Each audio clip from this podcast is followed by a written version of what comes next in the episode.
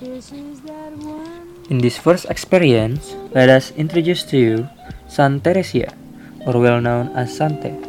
She is the creative director of Nah Project, a local sub-brand which hyped in 2018 for its article used by President Jokowi.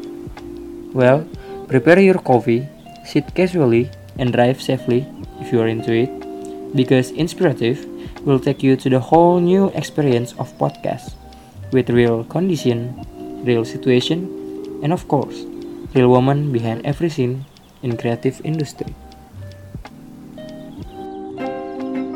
For all practical purposes, do you think a woman in the United States today actually be nominated on the ticket as president? Because how dare you? Have you forgotten that you are a woman? If I had to say that all of America was ready, uh, no, it's not quite there yet.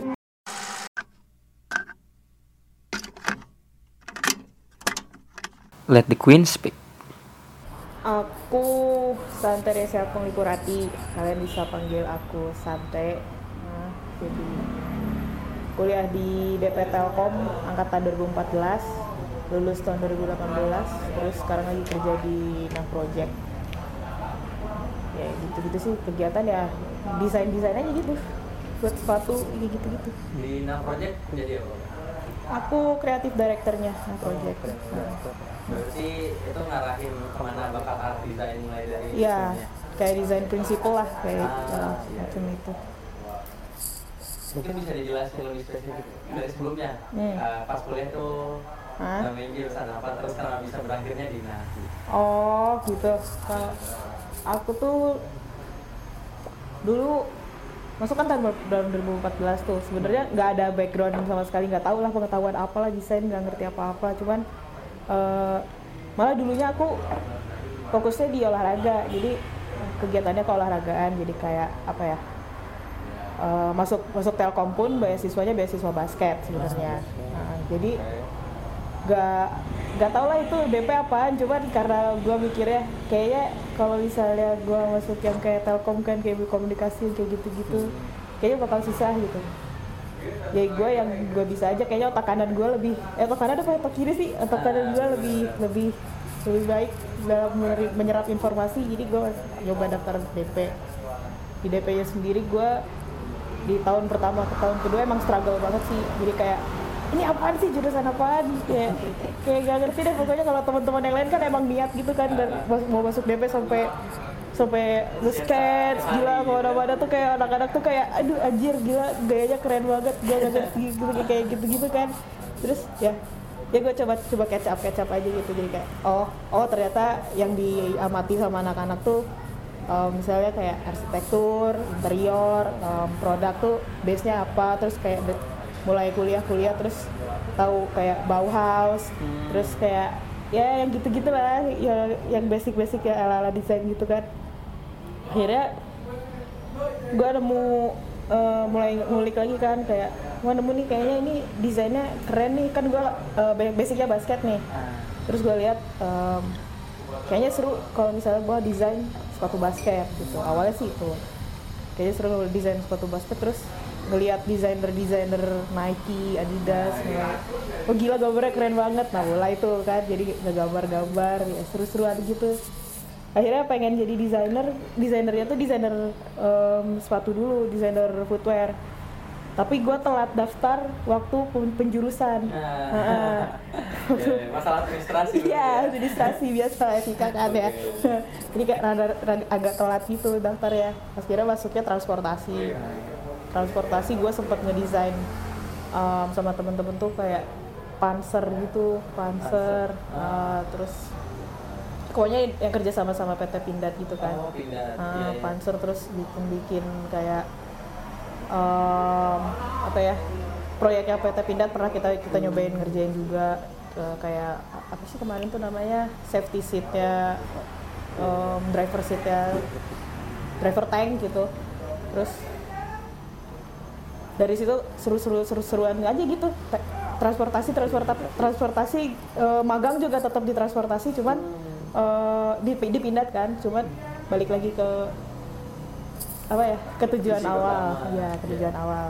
Temen gue kenalin tuh eh, si AG kenalin eh, nih gue kemarin magang di Brodo. Nah gue kemarin magang di Brodo dibilang gitu kan. Eh, Brodo punya anak perusahaan yang nah project. Waktu itu followersnya masih 20 ribuan. Terus lu cobain aja ke sana gue juga di sana kok. Akhirnya kita cobain di situ kan. Nah kebetulan lagi bagus aja gitu hokinya. Ini mungkin banyak yang belum tahu kalau ternyata nah itu di bawahnya Brodo. Iya, baru tau ya. Kalau gue udah lama. Oh iya, iya, eh, iya. Karena pertama kali gue buka nah project itu, Heeh. sebelum mereka menjual sepatu-sepatu yang seperti sekarang, Iya. itu gue masih dapat konsepnya nah project. Mereka jualan dengan nge-expose biaya. Ya, transparency Ya, pricing kan. transparansi- ya, transparansi pricing. Heeh. Nah, sebenarnya waktu pertama kali gue lihat kayak wah ini kayaknya produk pertama eh kayaknya brand pertama yang bener-bener nge-expose semuanya mulai dari harga modal, transportasi, Hmm. biaya research mereka. Iya. terus unik gitu. Terus makin sini makin sini terus sempat hype pas Jokowi pakai Cina Project. Nah terus gimana tuh kak? Tapi tidak kerja di Nam Project pas lagi Gue magang di situ Oh, posisinya. Gue sempet si pas produksinya si sepatu yang hype dipakai Pak Jokowi itu, Hmm. gue udah di udah ada di nah. Jadi masih sempet masukin input-input desain yang masih remeh lah kayak oh insole kayaknya kerennya kayak gini. Nah itu gue sebenarnya eh, da- low key bangga banget gitu si insole gue ternyata nempel banget tuh sama kaki presiden ya gak sih kayak "Ih, gila padahal remeh banget tapi Dan- seru aja iya iya ya. padahal diinjek-injek tapi gini guys biasanya cewek-cewek itu kalau misalnya masuk dunia desain Hmm. maksudnya fashion nih. Iya. Kalau menurut menurut gua mungkin ya menurut gua sendiri pribadi desain produk itu keras. Ih parah. Iya. iya itu parah barbar banget pertumpahan darah banget lah di situ. Sebagai perempuan misalnya Ah. di dalam desain produk tuh yang bisa bikin Kak Santi bertahan di dalam tuh? Ya gue tahu tujuan gue mau jadi apa gitu. Gue pengen ngedesainnya desain gue pengen jadi di- footwear designer. Gue punya, background em, apa ya bisa dibilang gue punya background atlet dikit lah ya, ya karena mungkin apa namanya mungkin pernah main basket terus pernah olahraga lain juga terus emang gue sadari dari awal gue nggak kayak cewek-cewek kebanyakan gitu loh. Oke. iya. Teman-teman gue yang di DP juga nggak kayak cewek-cewek kebanyakan gitu. Mau se- segerli apa pun mereka sampai si kukunya diwarnain pun tetap aja nggak gergaji. Iya tetap tetap kondisi iya ya. iya. Saya emang udah udah di di bawah apa ya situasinya udah kayak gitu kalau di DP kan. Jadi kayak kalau desain desain apa sih yang yang nggak nggak punya nggak ada kegiatan fisiknya? Kayaknya nggak ada deh. Kayaknya kayak emang nggak ada kan? Emang memang kita harus harus ngulik keluar kita Nah, memang iya. harus berani explore gitu. Nggak mungkin kalau kita stagnan stagnan di situ kita main origami jadinya. Iya, iya nggak? Gue juga desain interior meskipun 50 eh 80 persen mungkin di depan komputer ya. Ujung-ujungnya juga bikin market. Iya kan? Ujung-ujungnya potong kayu. Iya. Masih tetap aja. Walaupun tetap pada akhirnya yang ngerjain tukang Eh, tetap aja kita harus tahu si proses awalnya kayak gimana gitu. Jadi ya teman-teman gue yang lain juga yang cewek-cewek tetap aja sih pada pendiriannya gitu. Walaupun mereka ya akhirnya kulitnya kasar tapi tetap aja sih struggle-nya. Kalau dari sudut pandang Kasante sendiri mengenai perkembangan brand sepatu di Indonesia itu kayak gimana? dan sepatu di Indonesia itu sebenarnya seru sih seru banget apalagi di awal-awal mungkin gue bisa bilang juga si Broad ini salah satu pion pionir juga kan Hmm.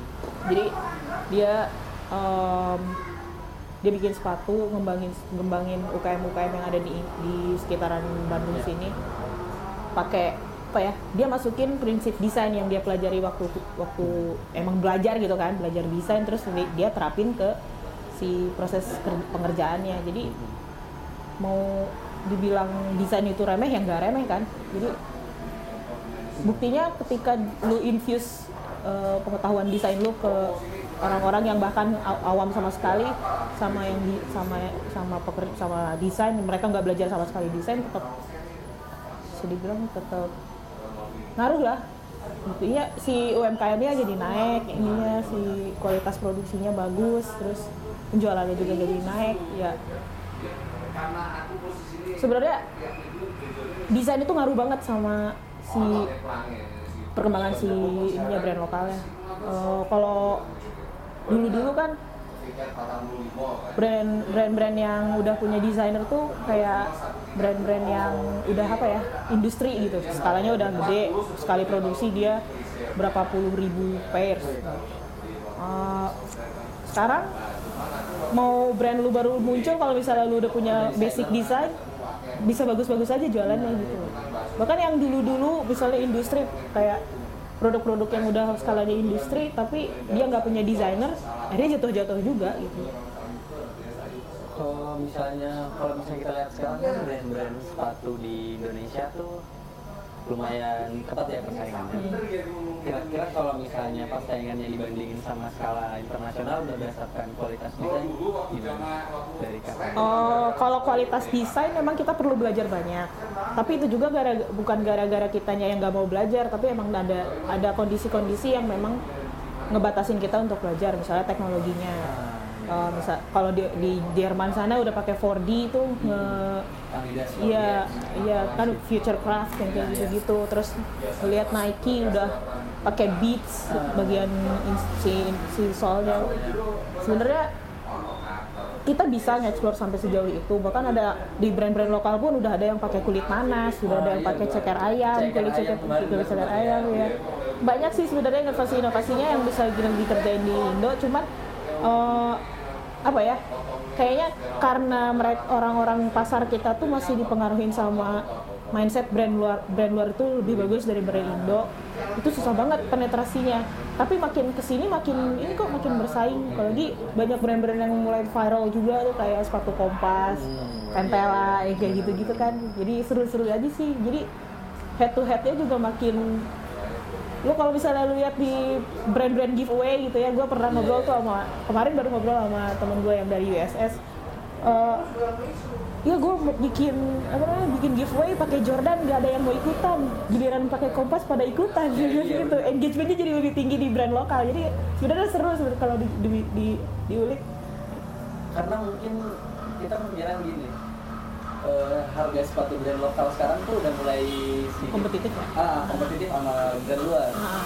Sementara mindsetnya mungkin dari zaman dulu brand lokal harusnya murah, brand luar harusnya mahal. Hmm. Mungkin karena kayak gitu ya. Heeh, iya biasanya kayak gitu apalagi punya stigma kayak gini sih kalau brand lokal apalagi Cibaduyutan gitu sebenarnya bukan jelek barangnya tapi karena treatmentnya nggak apa ya nggak terdesain gitu. Si treatmentnya kayak yaudah mending Ngikutin yang udah ah yang penting gue yang penting gue jualan gue dapat duit. Eh, modal gue balik gitu.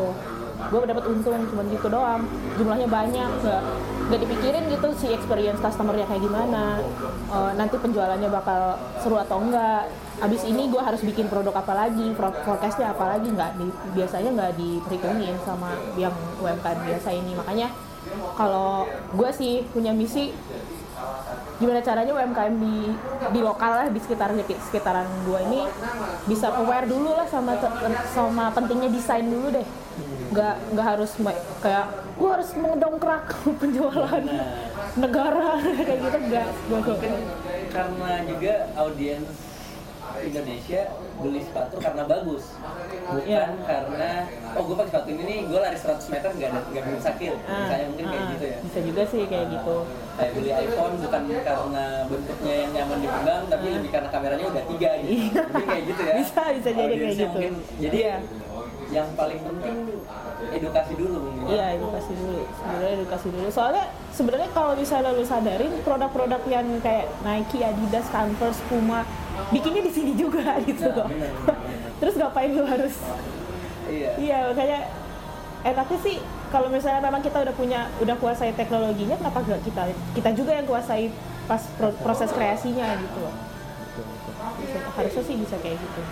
balik balik lagi ke yang soal perempuan di dunia desain kalau misalnya kalau misalnya dari gue sendiri ya eh, sejauh ini ngelihat perempuan di Indonesia itu belum terlalu banyak Desainernya. ah Ah. kalau misalnya dalam desain produk Iya. apalagi kalau misalnya fashion daily fashion ya Hmm. kalau dari Kak Sante sendiri dari circle Kak Sante atau entah mungkin pernah ngobrol dengan yang lain dan dan lain itu sebenarnya perempuan di dalam brand-brand Indonesia tuh banyak nggak sih? Sebenarnya banyak. Sebenarnya banyak. Cuman yang ke expose nya nggak terlalu banyak. Kalau dihitung-hitung ya misalnya ya pakai logika paling kas paling paling remeh gue lulus banyakan anak cewek. Oh, ya banyakan bukan maksud bukan banyak anak cewek maksudnya pas ketika lulus banyak yang banyak cewek kan banyak banyak banyak teman-teman cewek dan mereka tuh masuknya rata-rata ke desain lagi gitu. Yang paling kalau misalnya eh, nggak masuk desain lagi ya paling cuma 20-30 persennya gitu. Nah masa sih dari segitu banyak nggak ada yang thriving buat buat buat jadi desainer yang beneran desainer gitu loh. Bukan beneran desainer itu sih yang gimana ya pokoknya? Pokoknya desainer. pokoknya yang desain beneran desainer gitu loh. Bukan beneran desainer tapi yang fokus ke ya di profesinya desainer. Heeh. pasti ada aja sih yang tembus-tembus ke skala-skala yang Nasional, nasional, internasional. gitu saya temen gue ada tuh si Rengganis eh, dia jewelry cuman gara-gara ya itu keadaan si perusahaannya juga kan jadi eh, mungkin segmennya bukan kita karena kan jewelry kan eh, kaya. Banget kan. gitu kan. Dia waktu itu bikin em, desain yang si harga harga si jewelnya itu nggak bisa dibeli sama manusia gitu Udah kayak Infinity gitu, RP Iya.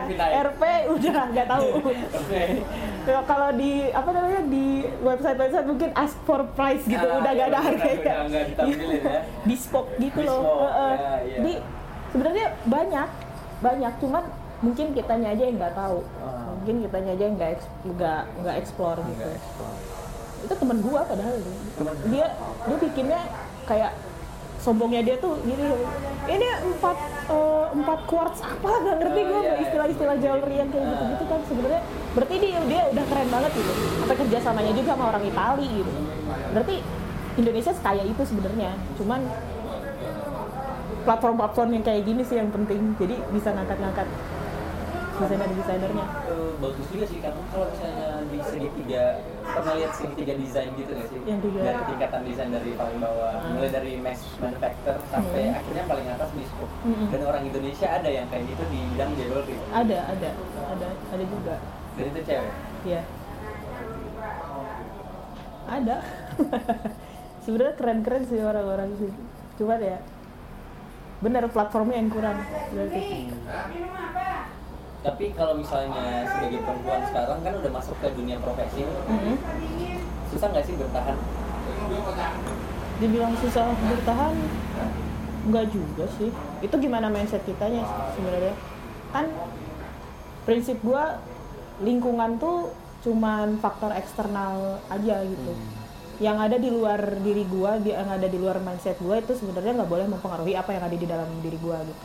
Jadi kalau kalau gua punya prinsip A, terus orang eh, lingkungan gua bilang B, gua gimana caranya tetap pada pendirian gua di A, tapi gua harus memperhitungkan faktor B gitu. Jadi gua nggak langsung seruduk-seruduk, gak mau, gua mau A, gitu kan nggak boleh kayak gitu juga. Jadi gue tetap harus eh, kayak mereka bisa eh, apa ya namanya? Mereka bisa pengaruhin gue soal B-nya, gue bisa pengaruhin mereka soal A-nya. Jadi di- kita bisa ketemu di tengah. Gitu. Kalau gue sih gitu. Bisa kalau cewek kan biasanya mindset, eh bukan mindset, ya, orang-orang tuh stigma-stigmanya, alah cewek ngapain sih lu ngedesain kayak gini-gini. gue tuh masuk pabrik pertama kali lah ke di di pabrik.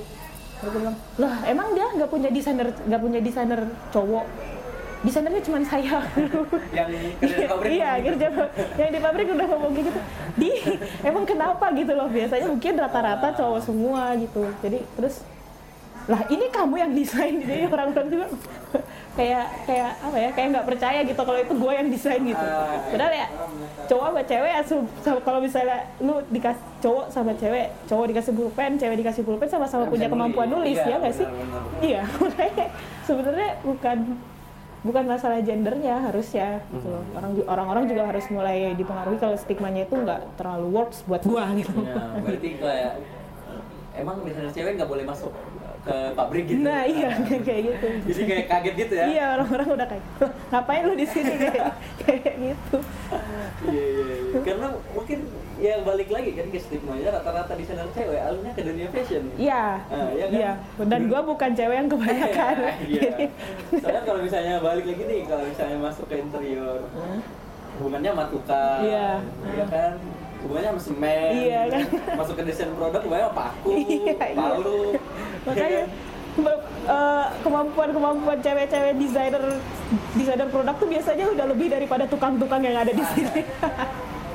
Lu suruh ngamplas bisa tuh ngamplas. Itu kayak gitu. Em, kalau misalnya kita ngelihat gimana perkembangan desain di Indonesia sama luar negeri, em, datanya mungkin kita bisa terlambat sekitar 5 sampai 10 tahun. Hmm. Orang di luar negeri mereka punya tukang S1 desain. tukang. Ya, tukang ini tukang. S1 desain, sementara Indonesia enggak. Eh, di luar negeri pun gue sempat nonton beberapa film yang ngomongin soal desain interior dan juga dokumenter Hmm. itu eh, cewek sekalipun mereka renovasi rumah sendiri. Iya. Ya. Eh, kira-kira yang membuat eh, Indonesia Hmm. nggak mau kayak gitu apa? Kalau gue pakai pendapat sendiri ya, nggak nggak bisa aja beda sama pendapat-pendapat ya teman-teman gini di sini kan. Kalau gue Indonesia tuh masih dipengaruhi sama patriarki banget gitu, masih punya konsep kayak cowok itu lebih superior daripada cewek. Oh. Sebenarnya itu keluarga gue juga kayak gitu, jadi Iya.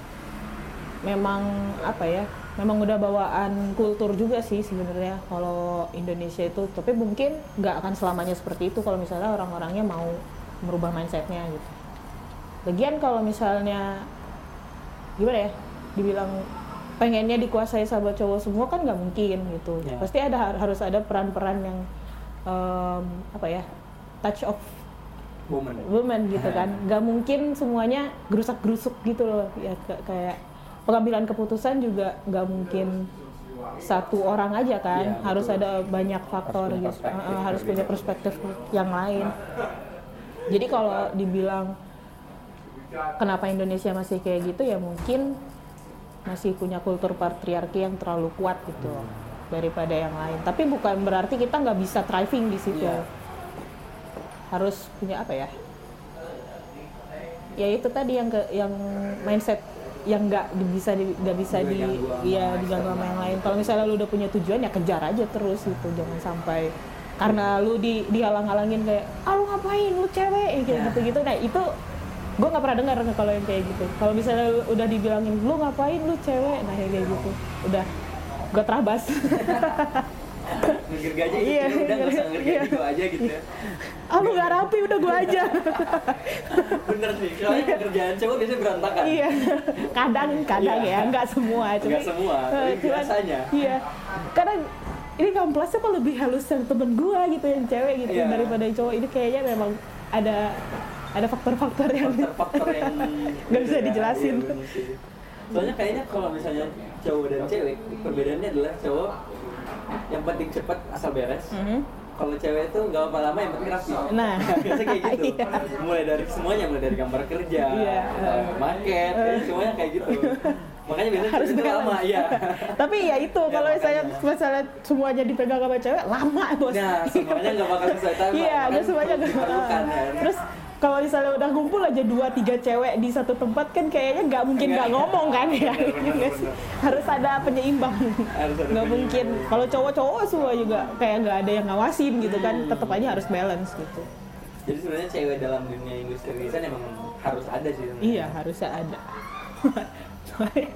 kayak gitu Tapi kira-kira nih, kira-kira ya. Eh, desainer-desainer Indonesia, gue nggak ngomong desainer sih kalau ngomong desainer terlalu jauh. Mahasiswa desainer Indonesia, mahasiswa desain Indonesia itu gengsian gak sebenarnya? gengsian Kalau dalam misalnya dari pola hidup, Eh, kayak ah gue nggak mau kerja di sini, brandnya nggak terkenal. Nah, misalnya nih kan dibanding kalau misal ini balik lagi gue ke literasi ke latar belakang kenapa gue ngomong gitu karena gue ngeliat di luar negeri orang lulusan desain itu magang magang aja. Mereka rela jadi tukang gitu pasang bata gitu kan ngecor lantai. Itu magang padahal. Kan kalau kita magang pokoknya gue harus ngedesain idealis. Oh, Kayak gitu. iya, iya. kira-kira orang Indonesia tuh mahasiswa desainnya gengsi kan? Enggak mungkin ada yang iya mungkin ada yang enggak. Soalnya gue lihat dari circle gue ya dari circle gue teman-teman gue tuh kalau misalnya selama dia dapat ilmu di tempat itu dia kerjain apa pun gitu. Eh, kayak di teman-teman gue ya biasanya. Gue kerja eh, temennya temen gue kerja di eh, instansi pemerintahan walaupun eh, porsi desainnya sedikit dia tetap kerjain. Dia tetap kerjain soalnya balik lagi kan yang namanya desainer itu nggak mungkin cuman ngedesain nggak mungkin ngelihatnya sisi estetiknya. Desainer tuh harus punya problem yang punya yang harus di solve ya kan? Nggak mungkin kalau misalnya lu gue kerja di sini gue cuman memperindah gitu. Ya nggak gitu cara cara kerjanya kan?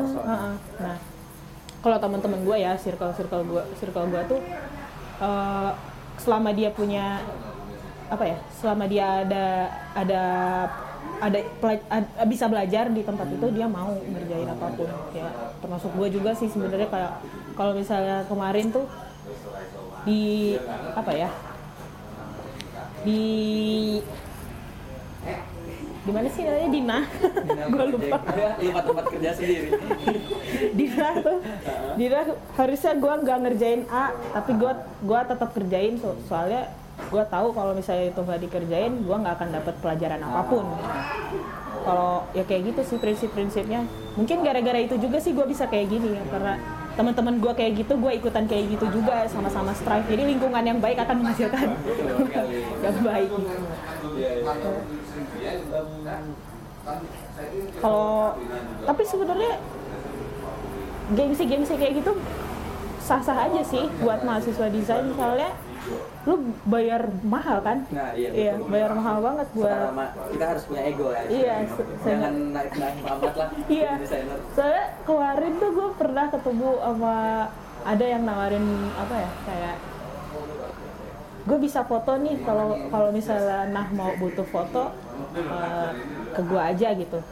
Kayak gitu mahasiswa juga di mahasiswa juga di satu universitas. Terus pas ketemuan gue tanya "Eh, lu mau dibayar bukan istri, istri pokoknya kasarnya gue nanyanya lu mau dibayar berapa? "Eh, enggak kok gue pengen kolaborasi doang. Lah elah lu kuliah mahal-mahal. Pengen kolaborasi iya, doang. kan berarti harus ada pengetahuan juga kan kalau Iya. misalnya desainer tuh biasanya ya biasanya. Kalau kalau dia udah pinter banget tuh dia kurang di aspek keuangannya. Nah iya benar sih Iya, rata-rata kayak gitu gitu. Kalau kalau udah pinter banget dianya kurang kurang apa ya kurang main gitu buat di secara finansial. padahal Sementara sebenarnya desainer tuh banyak duitnya ya seharusnya Seharusnya. seharusnya eh, seharusnya banyak duitnya soalnya nggak semua skill yang mereka skill yang lu punya tuh orang lain awam gitu loh. Ah, iya betul betul Kadang skill-skill yang orang lain apa ya ngomongnya gimana sih? Kadang ke- kalau skill yang kita punya tuh orang-orang orang lain belum tentu bisa Punya, ngerjain gitu kayak foto angle angle angle foto terus Penting kayak banget ya. Ya penting banget kan? Iya kan, soalnya itu dibentuknya bukan Ini- berdasarkan buku. ini mahasiswa yang satu ini emang gue kesel banget kemarin ketemunya. Pengen gue jotos harus punya ego sendiri kan? Harus bisa menghargai diri iya sendiri lah. lu punya karya lu ngerjainnya lama lu punya harus bisa nggak ngasih harga buat karya lu juga gitu. Iya, iya, betul, iya nggak? Nah, jadi jangan sampai ya udah sih karena gua bela- baru belajar terus gua iya idealisnya tinggi banget jadi kayak selama hasil karya gue bagus nggak apa-apa lah padahal sebenarnya Heeh. eh, lu tuh perlu menghargai diri sendiri biar punya nilai Hmm. iya kan Heeh. Selain itu juga kamu eh, kayak apa ya ekosistemnya juga kan karena satu desainer tuh pasti mengaruh ke, ke desainer lain. Misalnya lu sama gua ntar ada di satu circle yang sama misalnya.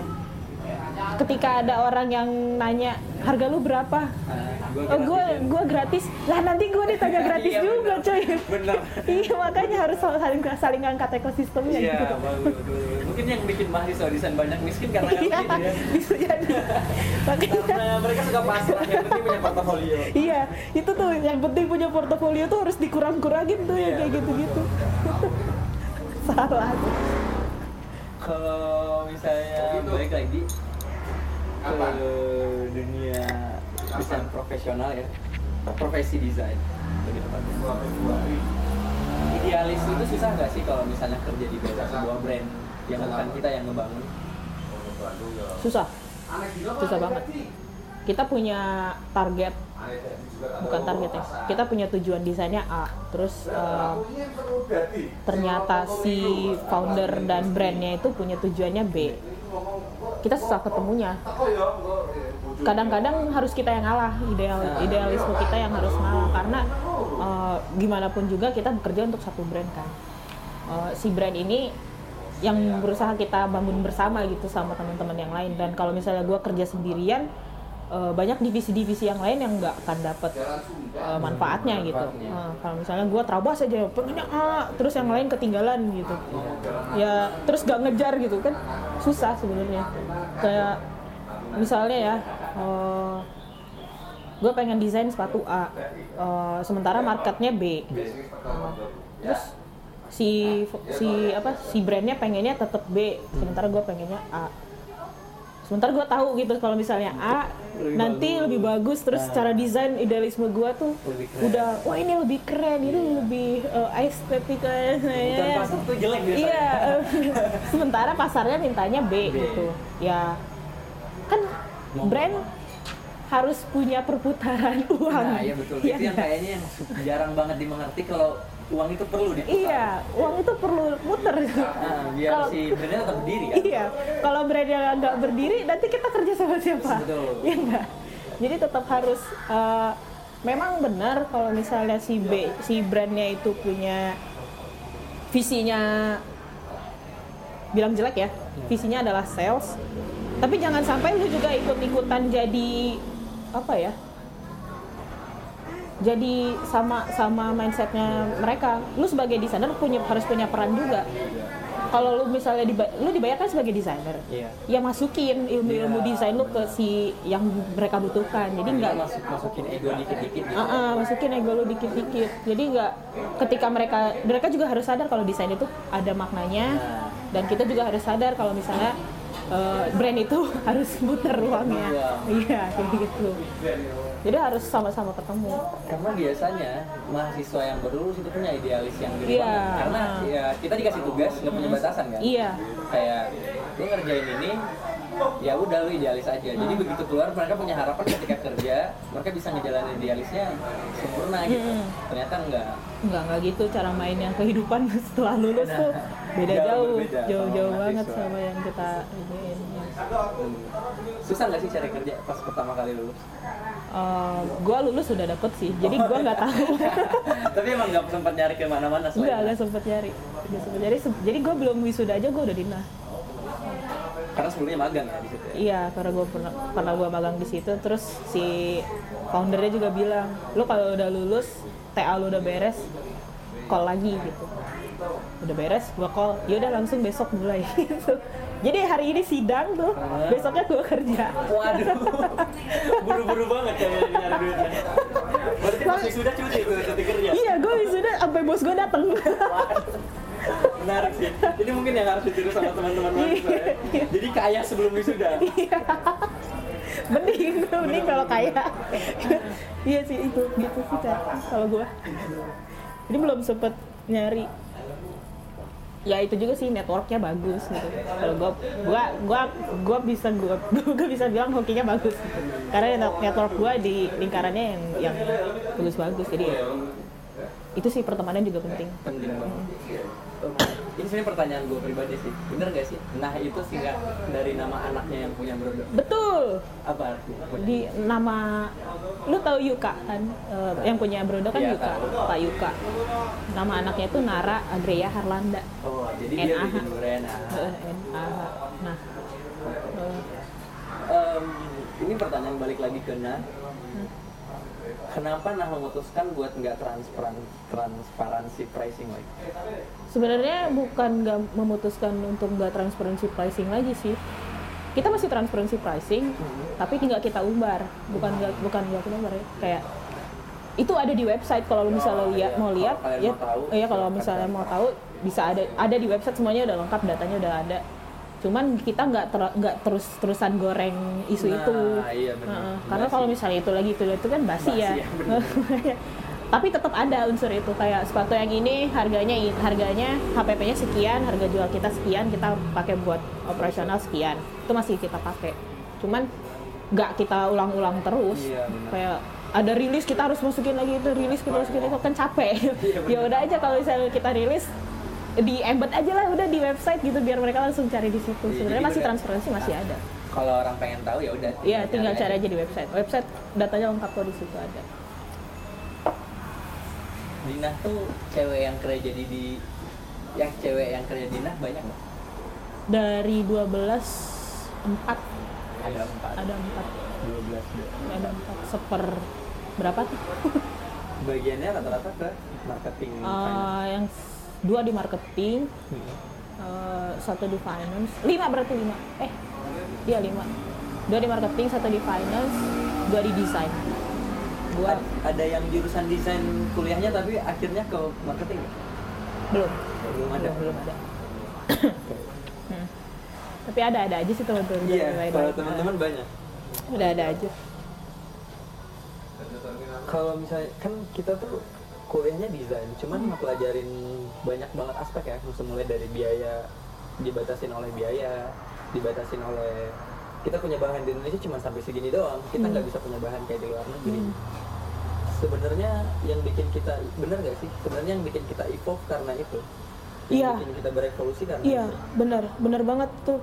gue pernah masuk, eh, bukan masuk, gue pernah ikutan seminar, bukan seminar ya, talk show, talk show de- desainer Indonesia yang kerja di Puma, Puma Jerman, Ha-ha. di pusatnya. Dia bilang etos kerjanya desainer yang karena dia kan dia udah ber- berapa berapa tahun gitu di Indonesia ngerjain di brand industri Indonesia gitu sih. Brand apa ya kemarin? Leak kalau nggak salah. Nah, dia kerja di situ selama berapa berapa berapa tahun gitu. Terus dia uh, kerja di Puma. Kerasa banget em- emang kita tuh tahan banting coy. Emang kayak kerja keras banget. ya? iya, kita kayak kuli. Parah. Ke- Ketika bahkan dia pernah uh, kayaknya gue harus bekerja keras gitu. Dia dia cerita gue harus bekerja keras terus dia kerjanya sampai overtime. Sementara di Jerman itu nggak boleh overtime lebih dari jam berapa gitu. Nah, ya ada peraturan. Itu ada surat SP. Gara-gara dia terlalu banyak bekerja. Kayaknya di Indonesia kita butuh surat itu. nih. Iya dia dia apa digituin seharusnya nggak. Ya berarti kan emang kita tuh ditempa dengan baik gitu loh. Iya, Eh, terus kalau misalnya pun karena batasan kita banyak, ketika kita diberi ruang yang lebih luas untuk bergerak, kita bergerak ya ke mana-mana. Jadi lebih lebih agile gitu Iya. kalau daripada yang global-global lain. Karena kalau desainer di di sana kata katanya sih katanya karena dia udah terlalu luas terus dia kan harus mengerucutkan diri jadinya kan jadi jadi gue mendingan fokus di sini aja deh gitu. ketika dia udah fokus di situ doang dia nggak mau ke tempat yang lain-lain gue dia lebih mau buat menjadikan diri profesional di Nah. bidang yang itu doang gitu ketika di input yang lain-lain nggak nggak mau Nggak bang, nggak mau. ya.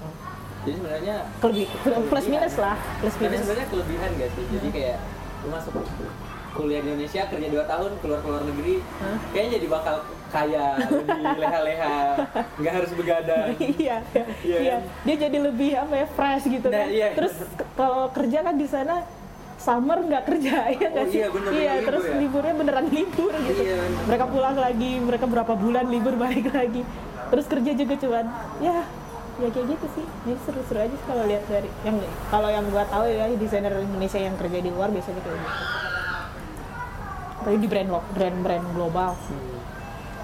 Keren-keren. Indonesia perlu ngikutin nggak? Apa nggak perlu? Mungkin satu saat bisa aja sih. Cuman ketika waktunya waktu eh, ketika kita udah siap aja kalau belum siap mendingan jangan deh. Nanti banyak yang leha-leha gabut Bener semua. sih. soalnya kalau gue pribadi nih kalau dikasih deadline gue kerja. Kalau nggak dikasih deadline gue nggak kerja. Jadi kita emang harus dibatasin buat bergerak lebih luas. Iya. Iya. Ketika orang udah makin terpojok tuh Iya, makin bener. ah. Kayaknya kita sebagai orang Indonesia tuh kebiasaannya adalah kalau kita dikurung di ruang yang kecil, kita panik. Tapi kalau dikurung di, luar- di ruang yang gede, kita diem. iya ya, ya udahlah gitu Ya kan udah, ntar aja lah. ntar aja lah Bener-bener. mungkin ini harus diperbaiki mindset. Mungkin buat pemerintah bisa membuat peraturan gitu ya. iya kerja supaya yang orang-orang terpojok gitu ya Jam kerja lebih banyak 12 jam gitu. Oh. Jam kerja di berapa jam?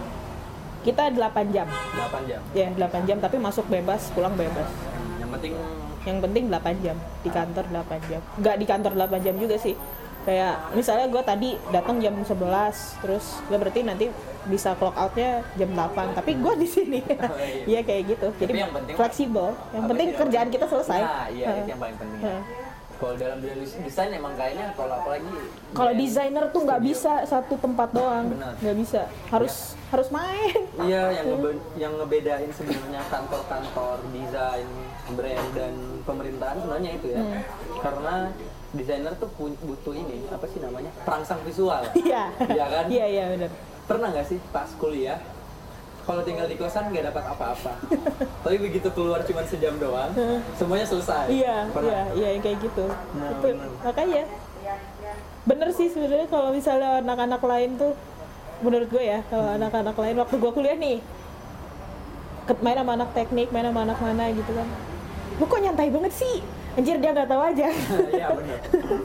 padahal kita tuh di luar juga mengerjakan sesuatu gitu Nah, iya. kayak oh berarti gue harus kayak gini. Justru malah inputnya tuh banyak kan ketika dia kita di luar gitu. Iya, iya, daripada kita diem di gua eh, nggak bisa nggak bisa. Lebih capek mikir. iya lebih capek. Karena kalau tugas-tugas mahasiswa gue sebagai gue masih masih mahasiswa ya biasanya tuh gue terlalu pusing dengan satu masalah karena gue cuma di kamar kosan doang. Begitu keluar banyak pencerahan gitu. Eh. jadi nggak perlu mikir lagi Iya. langsung comot comot comot comot Eh. modifikasi comot comot comot modifikasi kayak gitu. Bener-bener keluar masuk lagi udah selesai. Jadi mahasiswa desain pokoknya jangan di kosan terus lah ya. Iya. benar. Apalagi gue sebagai mahasiswa telkom yang lokasinya berada di kabupaten ya. Perbatasan dan sekarang ada pembangunan Podomoro. Wah itu chaos banget. Untung gue udah lulus baru ngebangun tuh Iya, tapi dapat Podomoro. Podomoro gak? enggak sih gak, gak kebagian lah debu-debu Podomoro gitu. Jadi gak ada pantangan. Sekarang gue ada pantangan mau keluar aja mikir. Tapi waktu waktu zaman hujan gede tetap kayak gitu sih. Hmm, iya sih. Kalau gitu anak-anak yang di daerah-daerah apa tuh PBB gak bisa keluar. Wah, bener banjir ya. Balik lagi ke desain. Kalau misalnya kok kalau misalnya mulu sih. Eh, mungkin ini yang banyak dipertanyakan sama mahasiswa-mahasiswa. Gaji na- desainer fresh graduate itu berapaan biasanya? Kasih Hmm. skala lah jadi desainer fresh graduate ga- digajinya harusnya berapa? Eh, karena kita fresh graduate kan berarti kita nggak bisa menjustifikasi kalau kita tuh paling pinter kita paling ahli. Karena kita memang secara pengalaman. jujur kita nggak punya pengalaman kan kalau Iya. fresh graduate. Jadi eh, alangkah baiknya kita eh, rendah hati dulu lah. Jangan langsung tembak-tembak harga-harga yang tinggi-tinggi gitu loh. Nanti viral kayak anak UI itu. Iya, nah. Nah, kalau fresh graduate di desain mau masuk kerja masuk apa namanya? Apalagi ini yang eh, brand gitu ya brand atau ya pokoknya yang lokal-lokal indie-indie gitu. Lo lebih baik settle di UMR tapi lebih dikit. Ah lebih gitu nah soalnya kalau lu pas-pasan di UMR lu bakal sama sama anak-anak SMK sama sama anak-anak yang lain gitu. Harusnya ada Hmm, harus ada harus ada pembeda. Lu effort lu yang lu keluarin ketika lu kuliah harus ada rasanya harus berbeda sama yang teman-teman kita yang eh, nggak belajar hal yang sama sama kita. Karena skill set kita pasti beda. Dan ketika memang udah masuk nih fresh graduate masuk kita digaji UMR lebih dikit itu eh, tiga bulan pertama lu langsung minta adjustment. Nah minta jangan tetap di situ. Soalnya eh, nanti orang-orang bakal tahunya desainer tuh bakal sama aja sama yang lain. Ah iya betul sekali. Sementara ini 2020 gitu. Kemampuan desain pasti pasti dibutuhin sama banyak orang gitu. Nggak, nggak mungkin satu dua doang. Apalagi kalau ngelihat tren sekarang kan 2020 banyak banget konten kreator semua Instagram dan story kan nggak mungkin tidak terdesain iya kalau misalnya nggak terdesain Nah. kayak apa gitu kan ya jorok nggak pakai filter nggak iya nggak oke gitu. kan orang-orang yang awam-awam aja masih butuh filter. Aware, bener, masih Ah, aware sama ah, itu. masih aware sama yang yang kayak gitu. Mungkin yang harus dipelajarin dari mahasiswa desain sebelum keluar ini ya. Games. Iya, bergainingnya harus oke. Bener ya. Gue beruntung waktu gue mau apa ya pas sidang tuh diajarin sama dosennya kayak gitu. Kalau misalnya ketika udah di interview udah proses interview lu harus tahu UMR tempat lu bekerja berapa lu tambahin misalnya. Dan nggak boleh langsung gegabah arogan gua paling jago gua paling keren gua paling ini soalnya banyak desainer lain lu satu angkatan nggak lu doang yang jago iya nggak? Itu baru satu kampus. iya itu baru satu kampus belum sama itu tuh yang gajah itu kan gimana Belum tuh sama iya Banyak sekali Iya. Karena kalau anak desain biasanya kelemahannya adalah komunikasinya bagus. Hmm. Cuman kalau udah ngomongin angka mereka lemah tuh biasanya. Iya, itu Karena dia. Hmm. ada perasaan nggak enakan. Pertama, yang kedua entah itu merasa kekurangan ataupun kelebihan. Hmm. Kayak gitu biasanya. ya kalau misalnya lu merasa apa ya nggak enakan orang lain akan seenaknya sama lu Nah, itu yang kayaknya harus jadi poin. Kalau lu merasa nggak enakan, orang lain bakal seenaknya. Iya bener-bener bener. Mungkin bisa cerita. Eh, kalau di dunia profesi tuh gaji perempuan dan laki-laki ada bedanya? seharusnya sih nggak ada Seharusnya nggak ada. seharusnya nggak ada Karena apa? beban kerjanya sama aja Beban. beban kerjanya sama aja dan malah menurut gue ya menurut gue pribadi kalau lihat teman-teman gue yang di bukan yang di desain gitu ketika dia cuti melahirkan Hmm. cuti ya pokoknya cuti-cuti cuti yang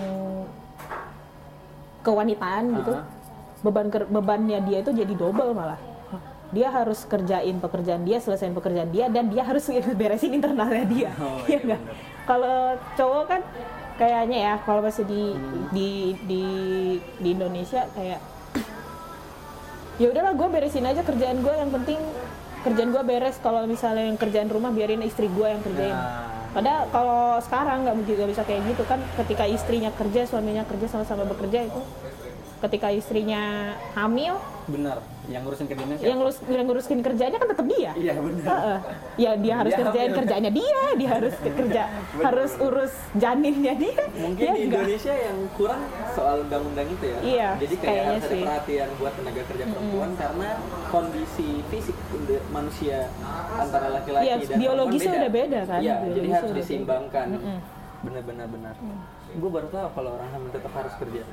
ya dia kan hamil tetap kerja Iya, nanti kalau misalnya cuti cuti itu tiga bulan biasanya kalau teman-teman gue cuti hamil itu tiga bulan jadi mau sebelum melahirkan melahirkan sama pasca melahirkannya tuh pokoknya hitungannya tiga bulan deh kalau nggak salah. ya buat tiga bulan apa tiga minggu nggak tiga bulan nih kayaknya Berarti cuma punya waktu tiga bulan. dia punya tiga waktu tiga bulan buat ngurus anaknya coy bayangin setelah dia tiga bulan itu beres dia harus kerja dan ngurus anaknya Waduh, kacau sih itu. iya Kacau. iya makanya harus seimbang makanya eh, porsi porsinya harus seimbang ketika si suaminya juga bekerja dia juga kan harus punya kewajiban buat anaknya juga. Jadi sama-sama inilah kerjasama lah. Nah, karena yang jadi permasalahan mungkin standarisasi pekerja di Indonesia fokusnya ke laki-laki pada awalnya. Hmm. dan aturannya diterapkan sampai sekarang. Sementara pekerja perempuan kan udah mulai banyak. Hmm. dibanding zaman dulu mungkin eh, di zaman zaman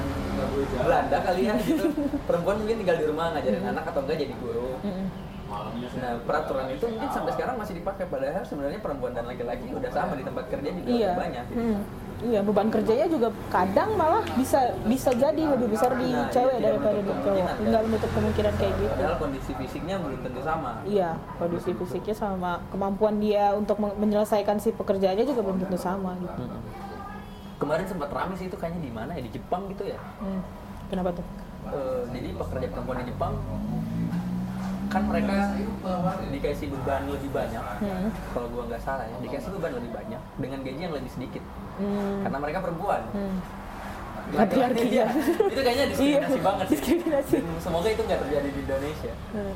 Em, tapi kira-kira dengan adanya kondisi kayak gini Indonesia dengan desainer perempuan banyak desainer perempuan ya dan pekerja perempuan lain tentunya bakal bisa bertahan? Kalau gue punya keyakinan ini sih keyakinan besar kalau buat di Indonesia. Soalnya orang Indonesia kan pinter-pinter tuh. Orang-orang orang-orangnya tuh nggak nggak sama sama eh, apa ya stigma stigma orang yang kita buat sendiri gitu. Kayak plus 62 mah bodoh plus 62 mah Sebenarnya gini nggak itu ya. plus 62 mah nggak nggak kayak gitu sebenarnya. Kalau misalnya lu merasa plus 62 itu bodoh ya lu jangan jadi bodoh supaya Iya, jadi betul. jadi lu harus jadi pe- pe- Pinter. iya harus jadi pinter. Jadi plus 62 nggak pin- nggak bodoh semua gitu. Iya. lu harus harus jadi apa ya? Harus jadi pembeda gitu. Nah, makanya kalau gue sih percayanya suatu saat kita pasti ada di poin yang eh, kita semuanya bakal setara gitu. Ah, benar. pasti pasti ada di satu satu titik. Iya, karena kita udah mulai sadar sama hal-hal yang seperti itu gitu. Orang-orang Indonesia tuh udah mulai peka sama yang hal-hal yang seperti itu. Jadi nggak mungkin gini terus sih kalau menurut gue ya. Gue gue sih positive thinking optimis gue nggak akan kayak gini terus kok. Gimana? Ya karena kayaknya Indonesia tuh mungkin ya mungkin. Mungkin masalahnya orang Indonesia adalah mereka terlalu peduli dengan orang lain. Nah dibanding diri mereka sendiri makanya terlalu banyak komen Instagram yang negatif. Hmm. tapi justru yang dan yang di post yang di komen itu justru merasa negatif. Padahal dia yang punya pribadi dia yang ngepost. Oh, iya. tapi karena mereka peduli dengan orang lain dan pendapat orang lain mereka harus menerima itu. Iya. kayaknya harus juga mindset mindset kayak gitu. Ya itu harus apa ya? Kalau gue sih gue lagi ya ini mah gue gua dan pandangan gue gue nggak terlalu mikirin kalau orang lain harus karena mama gue selalu ngajarin lu dan orang lain pasti punya pendapat yang berbeda gitu. Betul. Punya Nggak- literasinya iya beda. literasinya berbeda. Kondisi lu dibesarkan pun berbeda Betul gitu.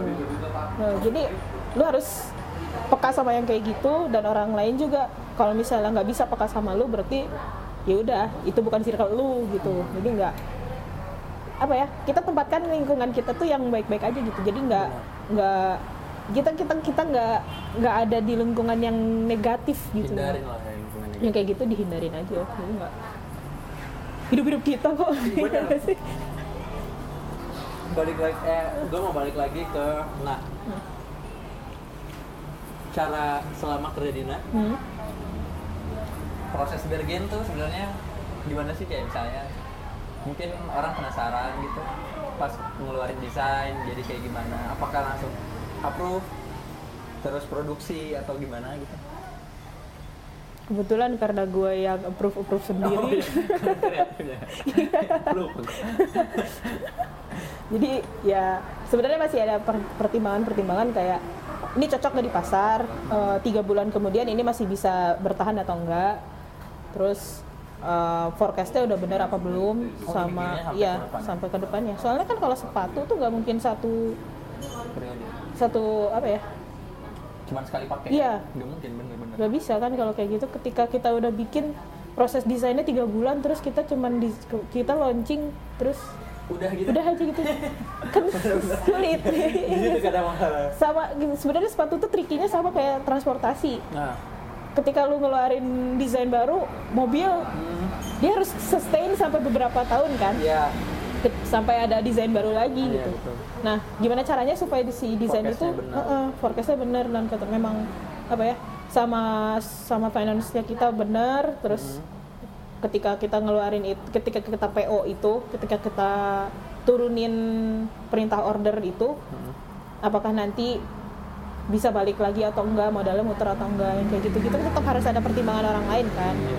dan itu gua nggak bisa kerja sendiri gua harus tanya lagi sama um, abang-abang sales Hmm. kira-kira gimana uh, ini kayak gimana ini kayak gimana. Terus gua tanya lagi sama teman-teman customer customer relation kayak uh, desain yang ini diterima nggak sih sama teman-teman? Eh, penting. penting penting penting banget. Kayak oh ternyata soalnya bagian ini gini loh teh. Kayaknya kita perlu upgrade yang bagian sini. Ya berarti besoknya kita pas produksi kita upgrade di sebelah situ nah kayak gitu gitu sih. Jadi kita sampai satu artikel tuh sampai bisa bisa bikin tiga versi. Kayak si Flexnet yang ini. Kemarin. Flexnet yang kemarin vi- viral itu. Kita bikin tiga versi. Oh, dia Sekat- upgrade eh, bulan depan kita udah bikin yang versi tiganya udah launching yang versi tiganya. Jadi itu pembaharuan dari versi-versi sebelumnya. Jadi penyempurnaan Iya penyempurnaan. Terus tetap harus di inilah di upgrade gitu. karena mungkin di kalangan mahasiswa tuh suka mikir gini Gak mau asistensi ah desain gue udah bagus. Nah, Gaya banget lu. nah biasanya kayak gitu masalahnya. Begitu diprotes mereka marah. Cara menerima sebenarnya gimana sih? Cara menerima sebenarnya ada orang yang pasti lebih pinter dari lu. Kalau istilah pintarnya istilah yang dulu-dulu tuh di atas langit masih ada langit. Jangan Benar sampai apa ya merasa lu udah pinter terus lu arogan itu nggak boleh. Lu harus tetap rendah hati, lu harus tetap bisa nampung-nampung ilmu-ilmu dan insight-insight dari siapa pun gitu. Mau lu mau yang lu pandang lebih mau ya kayak ah dia lu aw- awam desain lu mau ngomong apa? Tetap aja. Kalau misalnya dia ngomong kayak gitu berarti mereka yang menggunakan first hand si produk-produk lu.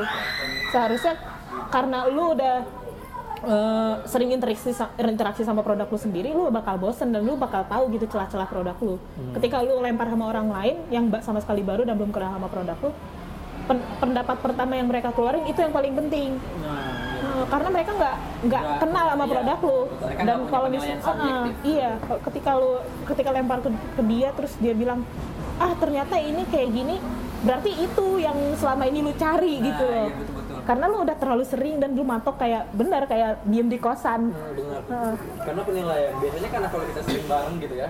Jadi ada penilaian subjektif. Oh, ini udah bagus kok.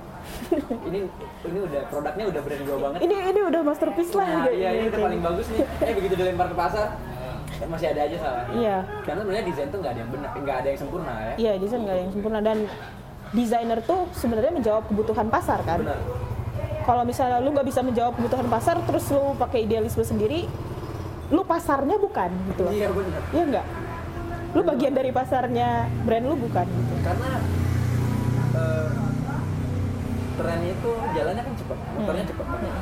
Desainer tuh kayaknya emang harus mampu ngikutin itu Iya. dan harus benar-benar bisa nge-forecast ke depannya karena produk desainer tuh harusnya semuanya jangka panjang menurut gue. Ya Iya kan? iya sustain Hmm, Terus Bayangin sustain. aja kalau interior harus diganti tiap sebulan gitu kan nggak mungkin. Jadi kayak misalnya gue pengen bikin kafe gitu, yang lagi tren misalnya kan Iya. konkret-konkret, Eh, eh, kayu iya. gitu kan. bulan depan ganti ya Bulan depan ganti ah, yang lagi tren tanaman-tanaman. Kan duitnya mungkin. banyak bos Bener. duitnya banyak banget Proses desain tuh mahal. iya Apa pun susah, itu. susah susah susah kayak gitu terus ada sentimen sustainable juga kan sekarang sekarang ini jadi kalau misalnya kita terlalu boros ngeluarin desain juga jelek buat lingkungan ada Nah, dampaknya juga kan jadi harus dipikirin juga Australia kebakarannya berbulan-bulan coy mau kebagian nggak tuh kita ntar kita harus mikirin dampak-dampak yang kayak gitu juga Soalnya kita harus mikir gimana caranya orang beli produk ini dan mereka pakai untuk waktu, Waktu yang lama. lama gitu ya. Karena mereka kalau- proud gitu pakai itu untuk waktu yang lama karena meskipun bahannya misalnya bikin sepatu dari linen yang nggak pakai eh, pewarna gitu ya Hmm. Sustain. Tapi kalau misalnya emang kita bikin desain itu tidak bertahan lama ya sama aja. sama aja bohong. Iya karena keputar mulu ya. Orang belanja mulu. Benar-benar sekarang-sekarang ini mah mendingan lu bikin produk yang memang beneran kuat yang emang bisa sustain sampai beberapa tahun ke depan. Iya. gitu. jangan bikin yang wah ini bakal keren nih buat tahun ini gue keluarin ah. Dan kayak gitulah. Nggak nggak bertanggung jawab gitu sama lingkungan ya nggak sih? Gue jangan pinterest banget lah. Iya. Gitu. ada saran nggak buat mahasiswa-mahasiswa yang bikin desain berdasarkan Pinterest? Maksud gue kayak tanpa perlu gue membaca forecast selama itu ada di homepage Pinterest gue. Jadi kayak oh ini berarti yang udah paling bagus nih sekarang. Eh, Maksud gue biar ngehindarin itu gimana? buat ngindarin itu ya jangan buka Pinterest Nggak. iya soalnya kalau gue ya kalau gue nggak lihat bukan bukan gue nggak lihat Pinterest banget sih. Gue gue tetap harus butuh referensi-referensi Ya, juga iya, kan. Betul. tapi gue nggak merely seluruh proses desain gue di di Pinterest nggak nggak gitu cara mainnya. Kalau lu plok-plokan nggak kopi-kopi dari Pinterest ya ya kali ya Iya sih. kalau kalau gue ya misalnya gue pengen mood oh gue gue pengen mood yang sepatu gue yang sekarang eh, dynamic gitu. Gue nggak akan cari sepatu lagi gue cari yang lain. Mobil mana sih yang dynamic gayanya? iya, Eh, prosesnya jangan iya di situ. prosesnya kayak gitu. Jadi nggak nggak garis-garis gimana sih yang dynamic yang kayak gitu-gitu. Jadi nggak di stuck di sepatu-sepatu lagi. Kalau lu eh, referensinya sepatu lagi pasti mirip. Nggak akan Nah iya nggak akan ada baruan nggak ada nggak ada kebaruan. Betul betul. Kalau kayak gini. Jarak antara desain pertama dengan desain selanjutnya tuh biasanya berapa lama? desain yang pertama sama desain selanjutnya Misalnya, misalnya gue rilisnya. Ah, terms rilisnya atau terms lu bikin lagi terms rilis. Rilis. Gue pengen misalnya hari ini bikin sepatu A. Kapan lagi gue bikin sepatu B? ketika si marketnya udah mulai nolak produk lu sebenarnya prosesnya kalau gue ya misalnya hari ini gue bikin desain A beresnya tiga bulan kemudian terus gue bikin mulai bikin desain B. Terus aja A B C D. Nah ketika A ini udah mulai turun lu bump lagi sama B. Lu B turun lagi bump lagi sama C. Jadi gimana caranya sih sebelum si produknya udah decli- decline si penerimaan si pasarnya lu bump lagi sama yang lain bump lagi sama yang lain. Jadi nggak ketika lu udah turun terus lu nggak oh gimana nih gue baru bikin Iya, gitu kan benar. keteteran ntar Kayaknya bener. Gak rata-rata mungkin pengalaman gue pribadi sih bikin brand gitu pertama kali adalah gue terlalu nyaman dengan produk pertama gue. Karena biasanya produk pertama tuh produk paling bagus. iya sih Iya kan? Eh. Itu udah kayak semua ide gue selama ini ada di Iya. situ tuh. oh ini masterpiece Nah, Nah. iya. Cara gue nge-upgrade itu gimana? upgrade upgrade tuh kan banyak ya eh, apanya bentuk-bentuk upgradean tuh kan banyak. Jadi nggak harus cuman warna baru nggak mungkin apa ya namanya bentuknya tetap itu itu aja tapi Sama aja. sama aja gitu. Sebenarnya upgrade itu lebih lebih seru tuh kalau referensi gue ya kalau lihat upgrade upgradean em, sepatu tuh di Nike. Lu lihat eh, Air Force One? Air Force One tuh dia tetap siluet yang paling lakunya tetap yang warna putih itu kan yang putih all white itu. Ya. Tapi ketika eh, salesnya mulai turun atau gimana caranya pokoknya marketingnya tuh bukan marketingnya apa ya namanya si rilisnya strategi rilisnya tuh bagus. Ketika udah mulai decline dia masukin warna baru yang cuman sedikit. Cuman jadi misalnya jumlah produksi yang si Air Force One ini 10.000 ribu. Lu lu udah mulai decline nih. Lu masukin lagi yang warnanya baru tapi cuman dikit. Misalnya rilis cuma 100 Nah, 100. Wah, gila ada yang baru 100. Ah, oh, gua gak dapet yang 100. Gue beli lagi yang putih. Lah naik lagi. ya kayak gitu caranya nggak upgrade upgrade-nya ya kayak upgrade-nya di eh, materialnya atau di proses produksinya atau di apa ya warna mix material teknologi baru ya kayak gitu-gitu aja. Emang harus nggak boleh nyaman dengan iya nggak boleh. ya udah ini ini aja. Ini Iya. aja nggak nggak nggak kayak gitu. Soalnya kesalahan-kesalahan kayak gitu kan sebenarnya paling banyak sih sebenarnya kita alami. Karena contohnya aja kalau kita disuruh buat 10 sketsa biasanya sketsa pertama doang yang bagus. Pernah nggak kayak gitu? Iya Iya kan? sering Iya kan? nggak? sering banget kan? Jadi kayak sebenarnya jangan kayak nggak boleh kayak gitu kan? Seharusnya enggak Iya, seharusnya jangan nyaman langsung di satu itu. Lo harus ulik lagi, ulik lagi, ulik lagi ketika udah bosen ngulik ya udahlah gitu aja baru gitu Kan loh. biasanya gitu. Ketika memang ininya lu udah tetap nggak balik lagi ke, ke sketsa yang pertama, lu harus lihat lagi consider lagi ke sketsa sketsa yang mana yang misalnya lu oh yang oke gitu. Hmm. Ambil satu combine Combine. betul betul gitu aja. itu mungkin salah satu trik biar kita nggak terlalu nyaman jadi kita punya sesuatu yang bagus kita combine aja Iya, komen aja terus masukin masukin unsur-unsur baru. Kalau lihat balik lagi ya ke Nike, dia cuma pindahin jahitannya dari luar ke dalam, terus buka jahitan, terus si tag-nya dimiringin, Ah, kan? iya iya Itu jadi unik sebenarnya, ya Iya, nggak sih. jadi sesuatu hal yang kayak biasa aja cuman kayak nggak kepikiran Iya, Ah, bener. Kayak tag-nya dibalik, terus swoosh-nya dibalik, Hmm. ya gitu-gitu aja. Eh, pernah nggak dapat respon negatif dari pasar Pastilah, nggak mungkin enggak kan. Kayak gue nggak mungkin nggak menyadari kalau si sepatu sepatu yang pertama itu eh soalnya dari China kan, soalnya dari China terus itu mirip banget sama salah satu artikelnya Adidas. bisa Nggak mungkin gue bilang enggak kok ini desain gue, ya nggak sih? benar. Gue nggak bisa bilang gitu tapi eh, reasoning gue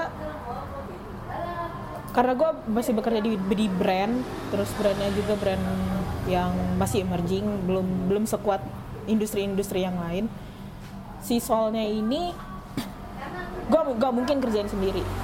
Gue harus punya tangan-tangan lain gitu. Sementara tangan-tangan yang bisa bantu gue yang bantu gue dari dia gitu tangan yang itu gitu. Jadi gue nggak mungkin nolak untuk pakai itu gitu loh. Tapi gimana caranya? Gue punya rasa rasa yang Hmm, berbeda idealis. gitu buat si sepatu itu. Makanya itu pentingnya jadi desainer kalau di brand-brand yang masih emerging kayak gini kalau misalnya dia dibiarin aja untuk bikin produk-produk yang mirip banget sama banget knock off banget nggak akan berkembang brandnya kasihan. Nggak ada solusi jadi. Nggak ada solusinya. Masalah paling banyak kerja jadi desainer apa? Masalah paling banyak kerja jadi desainer berantem sama marketing. Paling sering ya? Iya itu. Kenapa pasti pasti berantem sama marketing ah ini kemahalan. Kurangin speknya kurangin. Kayak gitu gitu turunin. Aduh turunin lagi. Padahal menurut gue itu udah baik. Kayak kayak gitu gitu sih. Kayak warnanya ini terlalu ngepop ini nggak akan laku nih. Kayak gitu. Ini kalau nggak hitam nggak laku nih. Kayak gitu gitu emang harus balik lagi sebenarnya kebutuhan iya pasarnya ba- apa gitu. balik lagi ke, butuh- ke kebutuhan pasar ya tapi tetap aja kita harus bikin kebaruan kan di situ. Nah, iya. ya udah kayak strategi-strategi gue kalau misalnya udah mulai menemukan hal-hal yang seperti itu ya udah lu kerjain aja eh, si sepatu yang lu mau si si anak marketing mau gue pasti infuse yang gue mau tapi yang gue mau jumlahnya lebih dikit daripada yang marketing mau yang penting gue tahu kalau yang desain ini tuh lebih catchy nah lebih lebih apa ya secara desain itu ben- eh, menjawab gitu Ah. secara desain menjawab tapi tetap harus ada yang menjawab sama kebutuhan pasarnya pasar. Jadi ada balance Jadi, jalannya ya, bareng sambil gitu. ngasihin duit sambil kita edukasi. Iya gitu, kita ke edu- kita nggak educate si eh, pelanggannya si pasarnya juga tetap kepenuhin kebutuhannya gitu. Wah, udah sejam ternyata. Em, lumayan. dua pertanyaan terakhir. Eh, yang harus disiapin sebelum masuk dunia profesional itu apa sih? Mental. Sebagai perempuan? Iya, mental. Soalnya tidak mungkin tidak ditemukan orang-orang yang stigmanya kayak gitu. Eh, punya stigma negatif sama perempuan, apalagi desainer, apalagi di footwear. benar Kalau di footwear, dihitung jari deh kalau desainer cewek tuh. Dihitung jarinya dihitung jari banget kayak gua masuk kelas footwear gitu, kel- kelas eh, footwear kelas, pas di footwear kelas, lah cuma segini gitu, Ceweknya cuma segini. terus tipe-tipenya sama lagi urakan-urakannya sama kayak gua gitu, nah segini, terus tapi kerjaannya rapi-rapi kayak gitu-gitu. Eh, yang gua lihat sih mental-mental toughness-nya sama gitu. Kalau mau strive pasti mental toughness-nya duluan yang harus diinin soalnya baik kayak pengalaman gue yang pertama kali ke pabrik itu loh ya desa- desainernya cewek. Nah kayak gitu. Sama dari coworkers juga kayak lu ngapain sih ambis banget? Kayak gitu. Lu kan cewek udah nanti umur segini lu nikah aja. Ah iya Aduh. benar stigma stigma yang kayak gitu. Padahal gue pasti pengen ke, punya punya mimpi gue harus S2 dulu gue harus punya punya lebih pengalaman lebih dari sini. Gue harus lihat dunia luar ya kayak gitu gitu kan. Ya gimana caranya mak gue tuh bangga gitu sama gue gitu walaupun gue cewek gitu. Betul. Ya kebanggaan kan bukan hanya karena dia dikasih cucu doang ya nggak Iya, sih? iya benar-benar. banggaan juga mungkin karena dari ex- eh, dari achievement achievement kita gitu loh. Jadi punya cara-cara lain lah jangan jangan terlalu stuck sama yang ada di di masyarakat sekarang sekarang ini aja gitu. Harus kalau lu punya tujuan kejar gitu jangan jangan diem diem aja di situ. Apalagi kalau misalnya cewek lu harus punya empat kali kemampu eh, ke- keinginan yang lebih kuat daripada cowok-cowok yang biasanya. Kalau kalau cowok kan privilege Banyak. banyak gitu kan. Kalau cewek harus bisa lebih empat kali lebih kuat daripada cowok-cowok yang biasa yang sama-sama ada di posisi yang sama. Uh, pertanyaan terakhir, siapa desainer idola dan kenapa? desainer idola. Desainer idola ya? Dan kenapa ya desainer gua dulu desain yang pertama kali gua tahu di footwear itu namanya Eric Avar Eric Avar itu desainernya Nike dia desainer Nike basketball untuk Kobe Bryant dia desainer yang satu-satunya yang berani melabrak stigma-stigma kalau sepatu basket itu harus tinggi Oh, Ah. iya benar-benar. Nah, jadi Di atas semua ya? Iya, biasanya kan di atas mata kaki, di atas mata benar. kaki semua pokoknya tinggi tinggi tinggi tinggi semua. Dia pertama kali bikin itu di approve sama si, apalagi dia kan megang handle ngehandle nya tuh salah satu at- atlet basket terkuat benar. saat itu gitu Iya, loh. pada zamannya. Pada zamannya dia tuh the next Michael Jordan gitu Iya, kan. Kobe Bryant kan the next Michael Jordan gitu tuh. Tapi dia berani gitu ngasih sepatu yang low untuk atlet sekali berdia gitu. Iya, benar. Terus si Kobe-nya juga ya udah gue juga pengen menarik kayaknya. iya kan sama-sama labrak-labrakan gitu. Mereka tuh sama-sama apa ya? Sama-sama gila gitu, Iya, sama-sama benar, jadi sama keluar dari zona nyaman iya gitu ya. sama-sama keluar dari zona, zona nyamannya jadi gua gua dulu ngelihat dia tuh keren banget gitu loh kayak wow ternyata nggak bisa ada di zona yang itu itu aja nggak bisa ada di keadaan yang itu itu aja ketika lo memang butuh pembaru butuh kebaruan ya kerjain gitu Iya. gue liat Eric Avar tuh kayak gitu jadi eh, setelah dia bikin sepatu low semuanya low di eh, di basket semuanya low dia pio- jadi dia jadi pionir buat eh, basket sekarang gitu. Iya. Terus di- pokoknya sepatu basket low pertama itu dia yang bikin gua gua wah gila itu keren banget Oke, paling itu aja santai. Terima kasih atas waktunya meskipun ya sama-sama. jangan bilang-bilang ini direkam. Nanti kita cut. ya gak apa-apa sih gak apa-apa. Dan semoga dengan adanya podcast ini teman-teman wanita di luar sana bisa lebih berani untuk keluar ke dunia industri dan lebih nge-expose. Karena kalau misalnya dari segi kemauan atau segi mental perempuan yang bekerja di industri itu empat kali harus lebih kuat daripada laki-laki. jadi harus proud ya kalau kalian itu dia ya sama-sama. Terima kasih